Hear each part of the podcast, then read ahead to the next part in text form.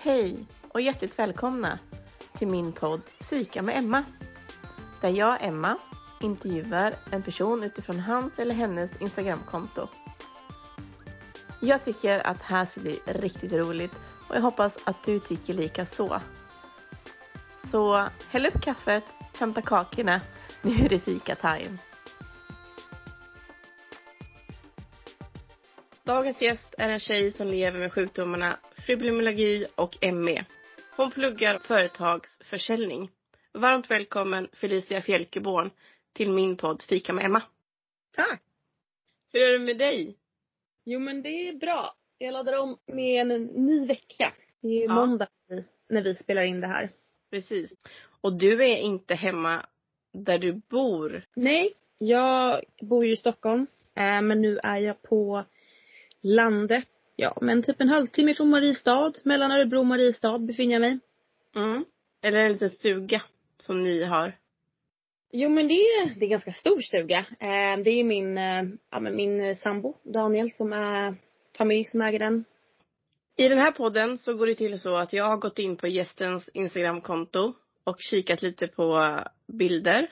Om man eh, vill se de här bilderna som vi samtalar omkring så kan man ju då gå in på, på mitt Instagramkonto som heter Fika med Emma podd. Man kan också gå in på ditt och då är det Felicia Fjälkeborn fast utan ä. Jag tycker att vi kör igång med eh, första bilden då. Vad ser vi där Felicia? Vi ser, eh, gud den är från 2014. Vi ser en Felicia i, eh, på en magdanslektion med höftsjal. Ja, och vad jag har förstått så är dans någonting som ligger dig varmt om, om hjärtat. Jo men det, det stämmer. Jag började väl dansa ballett när jag var runt fem år. Oj. Eh, ja, det var tidigt. Eh, men det var blandat. Jag hade en rysk lärare då. Hon var väldigt hård. Men det, ja, sen så har det gått och när jag var typ runt sju, åtta där så började jag dansa magdans med min mamma. Jaha. Ja, det, det ska vara bra. Både jag och mamma astma. Eh, och det ska vara bra, det är bra för andning. Och då började vi dansa med Astma och allergiförbundet. Sen eh, ville jag fortsätta. Så um, jag har ju dansat alla möjliga danser, liksom salsa, cha-cha, um, hiphop, um, alltså um, streetdance, lite sådana liksom. Men ehm, Du har verkligen testat på det mesta. Ja, men eh, det blev så. Jag tycker det, alltså, när man, det som är spännande med magdansen är just det att man kan gå mellan danser för du får en sån bra grund. Så du kan ju liksom gå upp till de danserna där du har jazz och show som jag faktiskt inte har dansat men du vet lite så här lättare lattjo och sen ner liksom till streetdanser som är lite tyngre. Eh, och sen all, samtidigt alla så här latinodanser som har höft, höfterna som fokus och så. Så det blev bara så. Och så fortsatte jag. Och det är väl det. Det är ju något jag har gjort i hela mitt liv. Har du till och med uppträtt och sånt också kanske? På ställen? Ja, alltså jag jobbade ju ett tag. Eh, först jobbade jag en del själv. Eh, på konferenser och så. Dansade. Ehm, och sen var vi en, en ungdomsgrupp ett tag som dansade också lite på konferenser och företagsfester och sånt. Ja, vad kul. Det var jätteroligt. Du håller inte på lika mycket med dans nu förstår jag. Nej, alltså jag, jag har ju som sagt två sjukdomar. Eh, Mm. fibromyalgi och ME. Eh, när jag bara hade fibromyalgi, som är kronisk smärta, då eh, gick det dansa. Eh, för då kunde jag planera och så lite grann. Eh, men med den senaste sjukdomen jag fick så får jag inte träna än. Ehm, för det tar för mycket energi så då så jag har tagit en liten paus. Jag försöker dansa en gång per år kanske. Alltså gå på någon så här kursworkshop. Ehm, men ehm, nej, den får läggas lite åt sidan faktiskt. Även om jag väldigt gärna vill köra igång. Mm. Det kanske kan bli framöver. Ja, jag hoppas så i alla fall. Jag ger inte upp hoppet. Jag vill väldigt gärna kunna dansa igen. Det är det roligaste som finns. Jag håller med. Jag har också dansat när jag var yngre. Nämen. Mhm. Vad dans- Eh, Jag gick genom musikskolan och då hade vi, eh, men det var väl mest showdans. För vi hade sån uppträdande varje år. Så jag Mm. började när jag, ja när jag gick i fyran tror jag. Jag och min kompis började och så höll vi på ända fram till sista året på gymnasiet. Men då, är ju, då har ju du också varit i this branch. Den Ja. här branschen. Jag har dock inte testat på magdans, men jag skulle jättegärna vilja göra det. Ja, det tycker jag alla borde göra. Det är väldigt kul. Och alla kan dansa. Det är mitt motto. Ja men precis, det håller jag med om. Alla kan faktiskt dansa. Dans är ju väldigt fritt. Och man får tolka det som man vill. Men precis, och det är väl det som är utlopp. Det är ju en, eh, det är ju grymt bra träning också. Ja. Eh, Och samtidigt som det är kul. Jag kommer ju alltid hellre stå i en danslokal än att gå till gymmet. Det är sanningen, men eh, man behöver Mm. väl lite av båda. Jag tycker vi kör nästa bild. Den är jag jätteintresserad över. Ja, eh, nej det vi ser på bilden det är en bild eh, egentligen på Polishögskolan i Stockholm. Ja. Jag har ju pluggat kriminologi. Eh, jag började plugga kriminologi 2012 och ville väldigt gärna bli kriminolog. Flera gånger hade vi besök från andra, eller skolor från andra länder. Och just det här besöket hade vi besök från eh, en skola i Maine.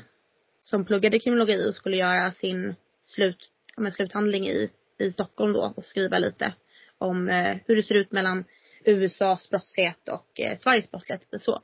Mm.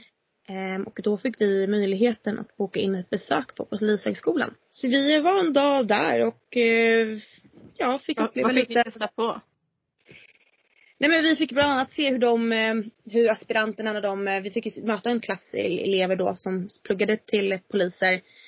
Eh, ett, ett scenario att någon hade blivit mördad. Så låg det en, liksom en, en, en fikad kropp. Och så mm, skulle ju de bemöta brottsplatsen på bästa sätt. Okej. Eh, vi satt ju där då, kommer jag ihåg, och kollade och en aspirant gick ju i en blodhög. Oj. och vi, ja, vi skrattade lite och oj. Kanske man inte ska göra. Men de var nya. Eh, och sen Ja. fick vi låtsas skjuta lite. Man ser på bilden där i höger att eh, de har också sådana test eh, där man, man står med en pistol framför en, en video kan man säga. Eh, och sen så ska man skjuta gärningsmannen. Eh, och då är det ju massa andra människor som kommer förbi som kanske pratar telefon eller tar upp en eh, godispåse från fickan och så ska man skjuta den som har eh, pistolen i handen. Ja, okej. Det var spännande. Det var roliga år. Det var det. Ja. Men du har lagt det på hyllan att bli kriminolog? Eh, jo, alltså det blev lite så. Det fanns inget program i, i Stockholm då. Eh, och jag skulle bygga mitt eget. Och sen blev jag dålig. Jag blev faktiskt sjuk den terminen jag började läsa psykologin. Eh, det var inte lika kul. Eh, men jag jobbar varje år på priset i kriminologi. Det gör jag fortfarande. Eh, så när det delas ut så är det en stor konferens. Det är typ som Nobelpriset. Eh, fast då i kriminologi. Jaha. Så det är slut i Stadshuset. Så Det låter dagarna spännande. Det är jättekul. Det är väldigt lärorikt. Det är en stor konferens också innan så att det är föreläsningar. Eh, och jag då är jag där som volontär och fixar att allting är rätt liksom och sen får vi då vara på föreläsningarna och eh, prisutdelningen som tack för hjälpen. Så det är väl ett litet, något litet jag kvar. Men eh, brott och straff ligger mig nog nära om hjärtat skulle jag säga fortfarande. Det är någonting jag tycker om. Varför tycker du att det är så intressant då? Nej, men jag tror att många, det är väl lite tabu, ofta när någon, när ett brott sker i Sverige, det sker väldigt mycket nu till exempel, eh, ja, men, eh, eh, våld mot kvinnor som har skett de senaste veckorna. Mm. Och eh, många skyller bara på, säger bara att män är skit, eh, den, de här männen är psykiskt instabila, ja och så vidare. När det gäller kriminologin och läran om, om brott så är det ju att jag vill veta det finns ju en bakgrund till varför en person gör något. Eh, samhället, uppväxt, miljö. Det är inte bara att man går och blir en mördare. Of, alltså så oftast. Eh, och jag tycker inte det är intressant att se och hur mycket vi kan förändra i samhället genom att liksom skapa åtgärder på en samhällsnivå och inte bara höja straff. Utan verkligen arbeta. Så det, det är väl det jag tyckte, tycker fortfarande är intressant. Att en mördare är inte bara en mörd, alltså den, den har inte blivit den bara sådär utan den har ju gått igenom saker i livet. Fika med Emma. Vi tar nästa bild Felicia. Yes, där ser vi eh, en flygbiljett till Barcelona. Mm. Och när jag scrollade igenom ditt konto så har ju du besökt Barcelona ett antal gånger. Och du pratar om Barcelona som om det skulle vara ditt andra hem. Jo men det är mitt andra hem. Det började, jag var på språkresa eh, när jag var 14 år, 2008. Och eh, hamnade hos en gammal dam. Som jag nu kallar min mormor. Eller abuela. Och eh, sen dess är jag nere varje år och besöker min, eh, ja nu har jag ju lärt känna hennes dotter som är min mamma då blir det ju. Mm. Och eh, hennes dotter som är i min ålder. Så det är, ja, ja, det är verkligen mitt andra hem. Men du åkte alltså dit första gången på språkresa till den här damen. Så blev det liksom att ni klickade så bra ihop så då har du åkt Ja, det tillbaka. var, ja exakt, det var liksom speciellt. Alltså historien. För det första undrar ju många hur mamma och pappa kunde skicka iväg en 14-åring till Barcelona helt själv. Ja. Eh, för på vägen ner så blev jag bestulen på alla mina saker. Alltså, Oj! Ja, pass, telefon, kamera, iPod som man hade då. Eh, min plånbok. Nämen. Ja, så jag, det var en ganska skärrad 14-åring som kom ner. Eh, Men alltså hur blev du eh, rån eller sa, sa du rånad? Mm, alltså då var det så att idag när man åker på språkresa då, då var det lite bild, det har hänt ganska mycket. Men då mellanlandade man. Och eh, då Mhm. mellanlandade jag i Amsterdam. Och någon klippte min handväska. Så jag stod med ett band kvar. Men väskan var borta. Nej men gud. Ja, det blev, blev ganska så. Jag levde, det var också därför det blev ganska häftigt. Men jag kommer ihåg att mamma och pappa skickade ner en telefon sista veckan när jag var där. Men jag levde typ tre veckor nästan utan, jag hade ingen telefon. Tänk dig själv en 14-åring ensam i Barcelona utan telefon. Ehm, ja, man fick förlita sig på sig själv väldigt mycket och ehm, det var därför jag lärde mig. Staden blev så mycket för mig för att jag var tvungen att lära känna den på ett helt annat sätt. Ja, och sen så blev det så, jag hade ingen kamera heller så mycket var ju liksom bilderna hamnade i huvudet. Mm. Det blev verkligen det blev Men när du skulle åka ner, då var det redan bestämt att du skulle bo hos den här kvinnan? Eller blev det så när du kom dit liksom? Nej, alltså man får ju, man, man får familj. Det är lite som sagt, det har gått ganska länge. Då var det så att man fick en, ett namn bara på den man skulle bo i. Mm. Eh, och så visste jag, jag visste inte vilken, om det var, om det var en familj eller om det var eh, en, en, en dam. Man, man har ingen aning då på den tiden. Mm. Så jag trodde jag skulle komma till en familj först och så stod det en gammal dam där och jag var ganska ledsen då. först. Mm. Och så skulle jag bo med en till för då var också, man skulle alltid bo två personer. Ehm, av säkerhetsskäl, för man skulle ta med när man gick ut, alltså på kvällarna och så, att man skulle ha någon att gå hem med. Okej. Ehm, men då bodde jag nors- jag skulle bo med norska och hon hade inte kommit till flygplatsen i Oslo. Så jag bodde helt själv. Så det blev en väldigt speciell resa. Det är därför jag jag tror därför det blev så bra som det blev, Ja. jag säga. Men jättefint att ni fick så en himla bra kontakt också då när starten inte blev så jättebra. Ja, alltså verkligen. Det var, jag levde rena rama alltså lyxen. Det var, hon var helt underbar. Ehm, hon tog verkligen hand om mig som att det var hennes egen. Hon kallade mig prinsessa. Vad fint. Ja, och hennes, hon kallade sitt eh, barnbarn då, sitt riktiga barnbarn för Reina. Och Reina betyder drottning. Så jag blev prinsessan då. Vad fint. Det var väldigt fint. Men nu antar jag att du inte har varit där på ett tag eftersom att det är ju en pandemi vi lever i nu. Nej men det stämmer. Jag, förra året blev det inget. Ehm, vi får se om man kommer kunna åka ner.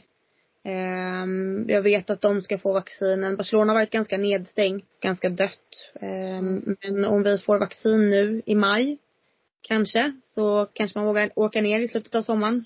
Mm. Längtar Ja. du?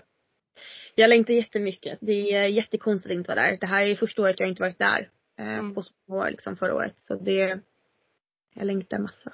Det gör jag. Men det är inte så att du har någon lägenhet där nere utan då åker du ner och hälsar på henne och bor hos henne eller är det så att du bor på olika hotell och Nej vi brukar faktiskt, jag åker ju oftast ner med, ibland åker jag ner själv först men vi brukar hyra lägenhet tillfälligt ibland. Eh, ibland bor vi i hotell men min eh, Angela, min mormor då hon är, måste vara runt eh, 80, alltså hon är 85 och sånt där nu. Så det, jag vill inte riktigt bo där och min mamma och de bor lite utanför så vi kan bo Eh, vi brukar alltid åka ut då till dem och säga Mm. hej. eh, Så men eh, oftast bor vi på hotell eller lägenhet. Men det hade ju varit dröm att köpa. Men det är ganska dyrt i Barcelona. Det är ju värre, alltså det är som Stockholm. Ehm, så vi får nog vänta ett tag med lägenhet där i alla fall. Vi tar nästa bild. Yes!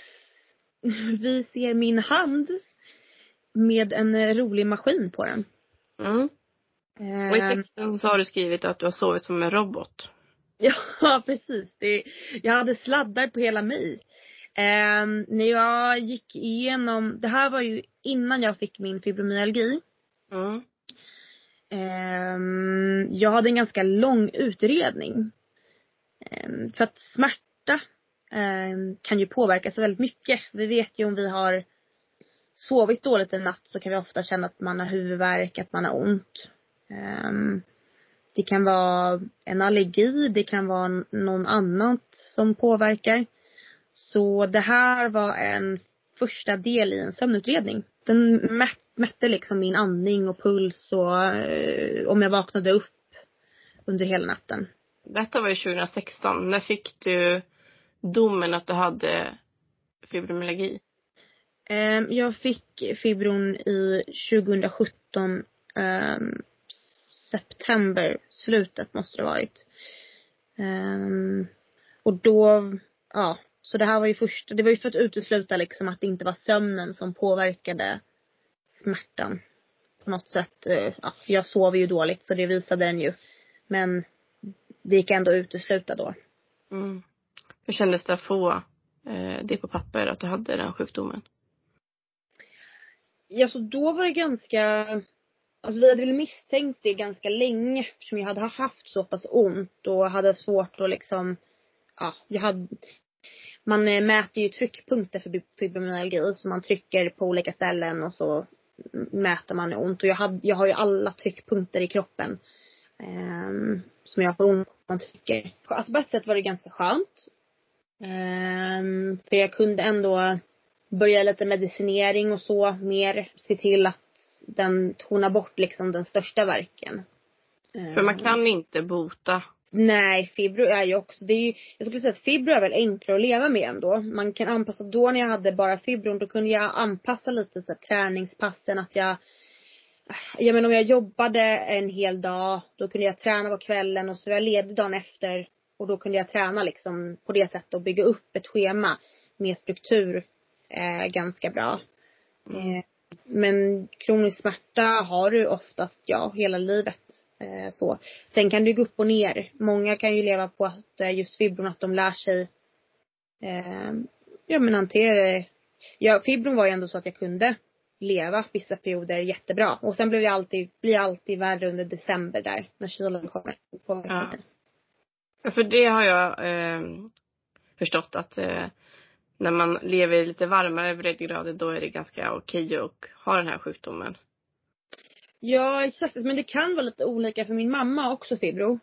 Ehm, det blir, det är en diagnos du får när du har uteslutit saker. Så att det blir liksom slutdiagnos och hon tål inte värme. Hon vill hellre ha kyla. Ehm, men det det, kan vara så olika. ja, men det är vanligast med att man, man föredrar värme. Vad jag har förstått på de jag har träffat och pratat med. Mm. Ehm, men det kan vara kyla också, att det föredras. Är det en sjukdom som går i arv? Jag tänker, du, du berättade att din mamma hade samma sjukdom. Nej, det, det har man nog inte hittat någon forskning på. Eh, men det kan vara så att det finns, du vet ju inte varför du får fib, alltså fibromyalgi liksom. Det är ju svårt för många får ju, jag har ju många som säger att de har fibromyalgi till exempel som jag är 100% säker att de inte har det.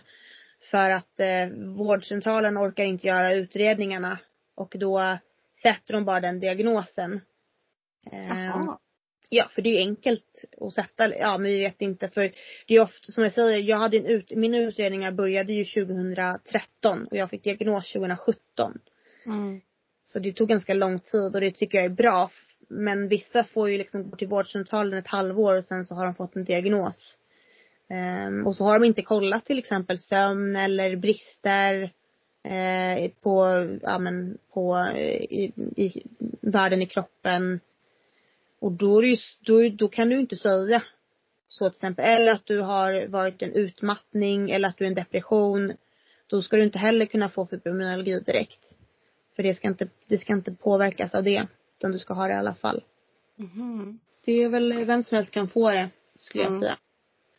Men det känns ändå som att du har accepterat den här sjukdomen och att du lever med den och kommer få leva med den resten av ditt liv. Ja men fibromyalgin har jag accepterat.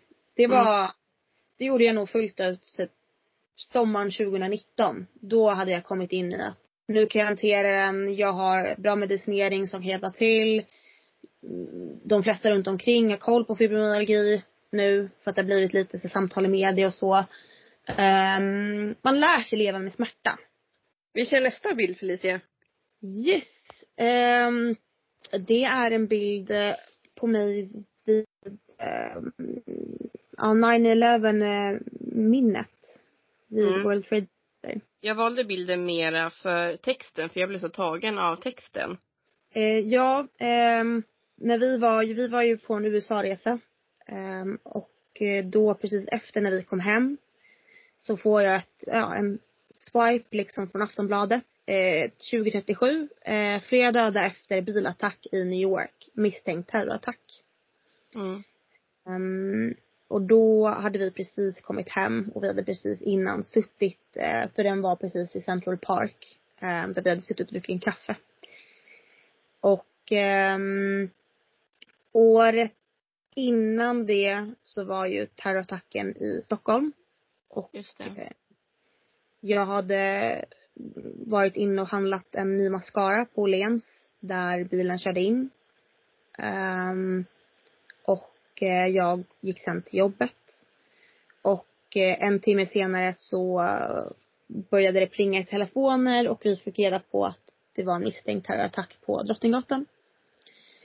Ehm, så jag satt fast i ehm, butiken och eh, då bodde jag också i Uppsala. Så ehm, jag hade ju, ett- det var ju väldigt så här, jag, jag är ganska lugn också för att när det handlar om sådana här saker så har jag lärt mig att man, man måste Först och främst så jobbar jag i butik. Vi har kunder. Jag känner att man måste ha en professionell ändå lugna ner kunderna också. Så. De är ju hos mig. Ehm, jag agerar lite så här, eh, jag är inte mamma men du vet den här mammarollen. Lite Mm. så. In och vill skydda folk och tänker att alla ska bara andas. Vi visste inte vad det var än. Ehm, och jag har ju flera vänner som jobbar på Drottninggatan i butiker. Så då började man tänka så. Och Drottninggatan är ju en gata där vem som helst kan gå. Så man har ju ingen aning om, om man har förlorat någon än. Eftersom det började komma då att flera, att det har dött, att folk är skadade och så. Ehm, Tänkte du någon gång att du kunde, om du hade gått dit senare så hade du kunnat vara Ja, alltså jag tänk, jag, jag är inte, jag är ganska tacksam för att jag inte har, jag är inte dödsrädd. Så på något sätt så tänker jag så att jag hade någon som skyddade mig. Ehm, den gången. Ehm, för som säger, det var så nära. Att man Mm. var så tätt inpå. Hade jag varit, hade jag börjat, ja för hade jag haft börjat en timme senare på jobbet då hade jag ju varit där då istället. Ehm, och jag hade ändå ett sent pass. mm. Och sen då blev det ju, man har ju inte vuxit upp och trott att man ska vara med om en terrorattack i Stockholm. Det är liksom ingenting man någonsin tror skulle hända i eh, Sverige överhuvudtaget. Nej. Och sen eh, då så var ju vi i eh, ett år senare blir det väl så var vi i Barcelona. Ja, för i texten så står det ju att det är tre attacker. Exakt. Mm. Eh, och då hade vi tur i oturen att eh, vi hade varit ute och festat, jag och Daniel med en vän, natten innan. Och vi går alltid och köper vår frukost på Ramblan, eh, vid La Boquera. Vi, eh, eller frukost, lunch liksom. Och eh, sen så plötsligt börjar vi, sitter vi vid hotellpoolen. Det börjar cirkulera eh, helikoptrar och sen så kommer ännu ett sånt här meddelande på Aftonbladet igen att eh, eh, en vit bil har kört in på, eller har kört in på La Ramblas i Barcelona. Mm. Och det här är alltså tre kvarter från vårt hotell. Och då var du nära igen fast ändå inte på plats liksom där det hände. Nej, exakt. Och där var det också så här, hade, hade vi inte varit ute dagen innan, då hade vi varit där. Ja. Och det är också, då verkligen så här, det var, var andra gången gillt då ju. Um, och det var samma sak, det var, då hade man redan upplevt i Stockholm på något sätt hur tyst det blir efter en, alltså det, det blir ju, folk håller sig ju inne. Och en så pass stor stad som Barcelona. Um, och där var det ju också så när man gick ner att det var ju fortfarande blod på gatan liksom. Um, så det var mer, jag tror Barcelona var mer påtagligt på något sätt. Men du har liksom inte blivit skrämd att, eh, ja men att åka till Barcelona igen och att det kanske, eller ja men Nej. överlag i Stockholm också, att gå på Drottninggatan för att du har ändå varit där liksom. Nej men som jag t- säger, jag tror så här. Jag och min farmor hade en favoritlåt med Doris Day som hette Que sera sera. Ehm, och det är ett citat och motto jag har tagit med mig i livet och det betyder det som sker, det sker. Och det är lite så jag tänker med saker att om någonting händer så kommer det hända och det är ingenting jag kan påverka. Och jag tror inte man kan leva i en grotta på grund av något sånt här och nu tänker jag också peppa peppa ta i trä, men det har hänt tre gånger. Det har varit så nära tre gånger. Ehm, och ja, alltså ska man vara med med en tre terrorattacker så nära i sitt liv, då vet jag inte vad världen har tagit vägen. För alltså jag, jag skulle aldrig tro när jag var tio år och sprang runt på min tomt i ett villaområde i Sverige att jag skulle, ja men 20 år senare uppleva tre terrorattacker i världen. Det var liksom något som hände i Irak när man var liten. Ja det är eh, sjukt hur världen ser ut idag. Eller den har ju sett ut så här liksom i många år men att det kan komma till, till oss så nära liksom. Ja, och det blev väl lite mer verkligt när man, när det hände på Utöja i, i Norge tänker jag också. Eh, Mm, just det.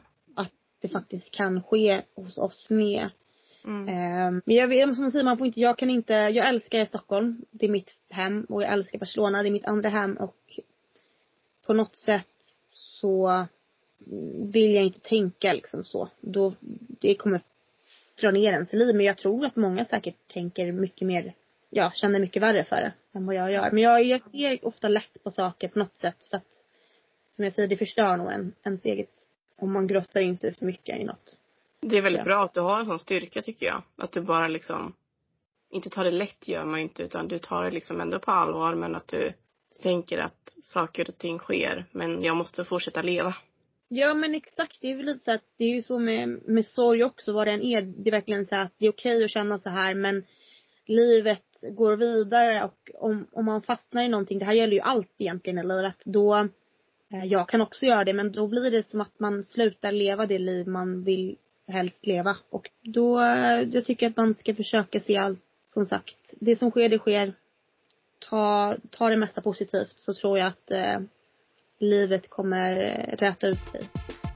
Fika med Emma. Vi tar nästa bild.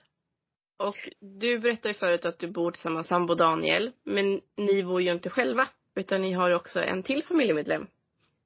Ja, vi har en liten eh, bengalkatt. Eh, som vi ser på bild. Ehm, Luna.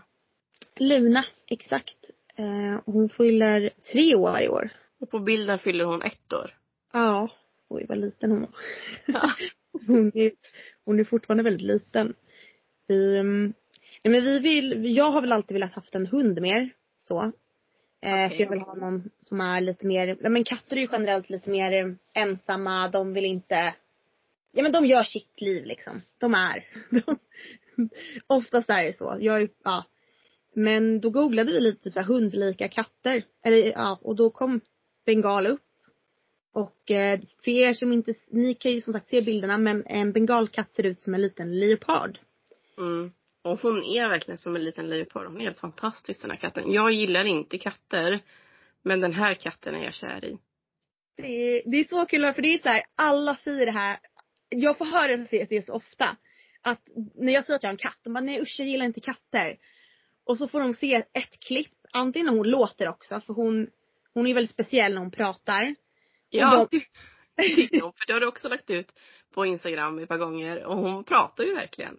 Ja, så hon, vi kan, jag kan stå och ha en konversation med henne. Hon förstår och hon Ja men det är en hund, alltså hon kommer till dörren när vi kommer hem.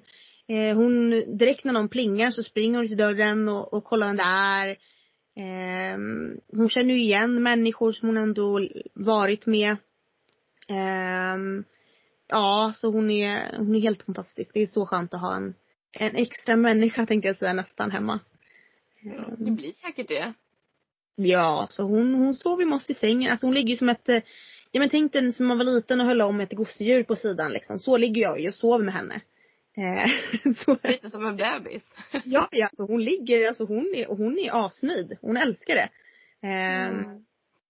Så funderar ni på en kattras så ska ni investera i en bengal. Eh, det är lite dyrare men det är så värt det. Eh, hon är, det är verkligen en, en underbar ras att ha att göra med. Den näst sista. Vad ser vi där? Massa mediciner. Mm. Otroligt mycket mediciner. Ja, så här alltså din jag vardag har, ser ut. ja, jag har faktiskt, jag är tacksam för att jag har faktiskt slutat med två lite värre mediciner.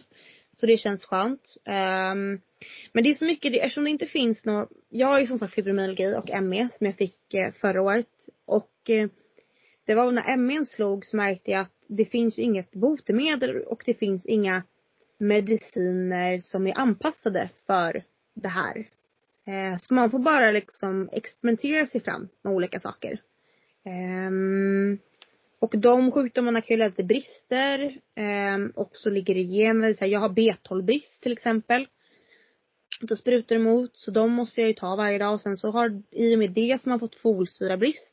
Så det här är ju inte farliga mediciner. Det är ju egentligen bara vitaminer som finns i kroppen som man måste ta. Mm. Eh, men sen finns det lite smärtmediciner och så som, eh, som kanske inte alla vill ta. Eh, men Du berättade ju förut att fibromyalgi har du accepterat att du lever med idag. Men så Ja. fick du ju ME för ett år sedan. Hur är det att, leva med den då? Har du accepterat den idag? nej, vi är inte vänner än så länge. Det Ehm, För vad gör ME liksom med din kropp? Alltså ME handlar ju om energi egentligen. Så den slår ju ner en både fysiskt och psykiskt. Så att när jag gör en aktivitet. Det kan vara att läsa en bok. Det kan vara att gå ut och gå. Då töms min kropp på energi. Så att jag sen får något som heter PEM. Och eh, det är då att jag får som ett bakslag. Där jag blir, ja men sängliggandes ofta. I dagar eller? Ja, det kan dagar, det kan vara veckor. ehm, Mm. för vissa. Jag hade ju en period nu i, eller i ja, januari, februari då jag blev liksom eh, helt singling sen. Jag orkade inte eh, med föreläsningarna. Jag läste allting efteråt. Ehm, för det som är skillnaden också det är att fibron har bara varit fysisk. Um, MN är så mentalt, eh, kognitivt. Jag blir trött, men jag kan bli trött av ett sånt här samtal som vi har nu. Ehm, även om det är mysigt så kan det ta på en liksom sen. Eh, men en föreläsning till exempel på tre timmar som jag har. Det kan bli alldeles för mycket en dålig dag. Jag orkar absolut inte tre timmar. För att hjärnan måste koncentrera sig och den, den kan inte. Ehm, och det är svårt att förklara för det är verkligen, det är så, det, det handlar om energi egentligen. Den tar energin. Men hur fick du diagnosen? Ja, det är en bra fråga. Nej men eh, jag man, det är väl samma sak där. Jag har ju fibro sen tidigare och sen jag kraschade hösten 2019. Eh, och då trodde vi att det var, jag har järnbrist i depå, eller järndepåerna. Så då trodde vi att det var en järnbrist. Så då tog jag en spruta. Men jag blev inte bättre. Och det var verkligen som att man, ja men tänk dig att du skulle få ett blodsockerfall Mm. att du bara sjunker ihop. Typ så var det. Jag var tvungen att lägga mig ner på jobbet. Och eh, mina kollegor kom in, liksom, jag låg och, och grät för jag fattade inte vad som var fel. Ehm, jag orkade verkligen liksom inte sitta upp. Ehm, Det låter jättehemskt. det, ja, det var just då var det också för då visste jag inte ens vad som var fel. Jag fattade, jag trodde det var ett skov i fibron. Eh, men jag hade inte känt så här tidigare och sen jobbade jag december ut och jag, det gick att det var tufft då. Ehm, och januari blev jag sjukskriven på 100 procent och eh, då hade vi börjat eh, in, utredning och så. Eftersom jag har sjukdomar sedan innan så har man ju uteslutit så mycket som man kunde hoppa över. men eftersom det inte var liksom en depression eller utmattning ehm, och För det kan man nästan, när du förklarar, så kan man nästan, ehm, för jag har, har levt eh, med utmattningssyndrom. Lever säkert fortfarande med det, för det har man säkert hela sitt liv på något sätt. Men det kan man ju ändå återhämta sig liksom. Men det här känns som att det, du kan ju kanske inte riktigt göra det. Nej men det är ju det som är skillnaden för att det är väl det som att man får ett utmattningssyndrom. Då finns ju ofta som du säger att du har haft det stressigt på jobbet, stressigt i livet, att Mm. saker har hänt. Ehm, och det är då ofta man kan sätta också att man kan skilja ut ett utmattningssyndrom. Men just 2019 då var det så att jag hade precis blivit bra med min fibro. Eh, jag älskade mitt jobb. Du vet man hade kommit så bra plats i livet. När allt går bra. Ehm, och jag hade inga tecken på liksom att det skulle vara det. För det måste ju finnas något som ligger i grunden till ett utmattningssyndrom. Mm. Och det fanns det inte och då blev det liksom att vi började kolla på andra saker. Ja men utesluta. ehm, man tror ju att många gånger att man, att man drabbas, att man blir sjuk av en infektion och därför får ME. Um, ehm, och jag har haft en, en, en tvarinfektion 2013. Och det var ju då jag blev dålig i fibron också. Um, så man misstänker att den kan ha satt igång någonting i kroppen. Som ja, ändrar, ger ja, dåliga värden helt enkelt. Ja. Men är ME någonting man kan bota framöver eller är det också något du kommer få leva med hela ditt liv? Nej, ME kommer jag leva med hela mitt liv. Och den är ju värre än fibromyalgin skulle jag säga. Mm. Eh, just för att jag blir, alltså, att jag var ju sängliggandes hela januari, mars, april i princip. Eh, orkade verkligen ingenting. Det var, det var en väldigt hemsk period faktiskt. Det var, jag trodde inte att jag skulle gå in det och men som du säger, det finns inga mediciner, man får testa sig fram. Forskningen är låg. Det som är positivt är ju nu att eh, många har ju fått något som heter långtidscovid efter corona. Mm. Och det är något som liknar ME. Och, Okej. ja, och eftersom den drabbar många mer i världen så har de börjat ta hjälp av ME-forskningen. Eh, det är samma symptom men de flesta med långtidscovid blir bra efter ett år max. Så vi får se om det händer någonting där. Och det är verkligen inte ett utmattningssyndrom. Det vill jag att alla ska förstå. För att då hade jag blivit frisk. Och det hade jag hellre haft, skulle jag säga. För då kan man vila, men det är oftast också att man har haft, jag har ju också varit liksom lite den typen tidigare för jag tror att alla någon gång har gått igenom en tuff period i livet. Och då kan man ofta vila, sömn hjälper och så. Men här gör ju inte det. Där. Jag tycker, för du är väldigt eh, öppen också på din Instagram om de här eh, två sjukdomarna som du lever med. Och jag tycker att det är väldigt starkt utav dig att eh, prata om det. För många kanske inte eh, pratar om sina sjukdomar och eh, delar med sig av det man går igenom. Nej men jag tror att det är så här, det är, jag tror att det också behövs och jag märker ju det att det är många, jag får ju väldigt många som har de sjukdomarna som skriver till mig. För att det är en avsaknad av dem i media. Ehm, alltså så, nu har det blivit lite populärare vissa gånger men det är det här att det finns ingen som pratar om det och då kommer inte samhället lära sig om det. Det, det är liksom, ibland man kan få den där, ja men jag, nej men jag är dålig i min sjukdom så kan man få den där krya på dig liksom. Man bara, ja jo, jag är inte förkyld. Det, det, jag tror att om jag pratar om det och vågar prata om det, då vågar fler i min ålder och fler med sjukdomarna prata om det och jag tänker att de som följer mig då kanske, om de möter någon som säger att de har ME så kanske de ändå förstår lite bättre. Skulle jag säga. Mm, det är fint och starkt vågat av dig. Tack. Men jag ser det som en plikt. Lite så faktiskt. Det behövs. Jag kan tänka mig att det ger dig ganska mycket också när du får tillbaka så fin respons från andra personer som lever med dessa sjukdomar. Ja, så verkligen. Det är ju inte heller, jag ska nog vara den som säger att social, man gör ju inte sociala medier för någon annan än sig själv egentligen till att börja med. Ehm, det är ju därför man skapar, sociala medier handlar ju om att dela med sig av ens egen akt. Och jag känner att just om det här kan jag faktiskt dela med mig om kunskap av. Och då blir det att jag kan skriva om det. För jag vill inte ha ett konto som bara är hela tiden bilder på min lunch eller på mina kläder utan någonstans måste det också finnas att jag kan göra någonting med den kunskapen jag har. Vi har sista bilden. Yes, en glad bild.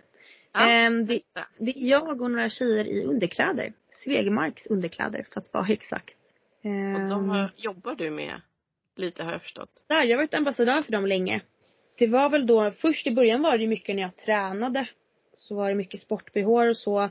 Och jag har ju som sagt smärta, så för mig är det väldigt viktigt att eh, eh, vissa dagar kan ju inte jag på mig ja, men bh eller alltså eh, sånt som sitter åt.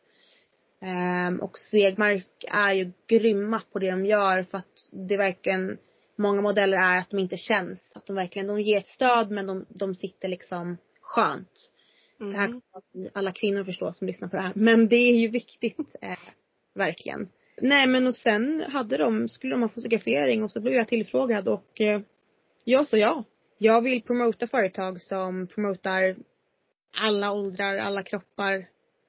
Jag tycker det är viktigt. Och eh, det är också någonting som jag känner att jag får en utveckling av. Ehm, jag tycker om att stå framför kameran. Det syns på bilden att du är glad och de andra tjejerna också. Ja, nej men det, det, det var ett jättehärligt gäng och vi hade aldrig träffats tidigare.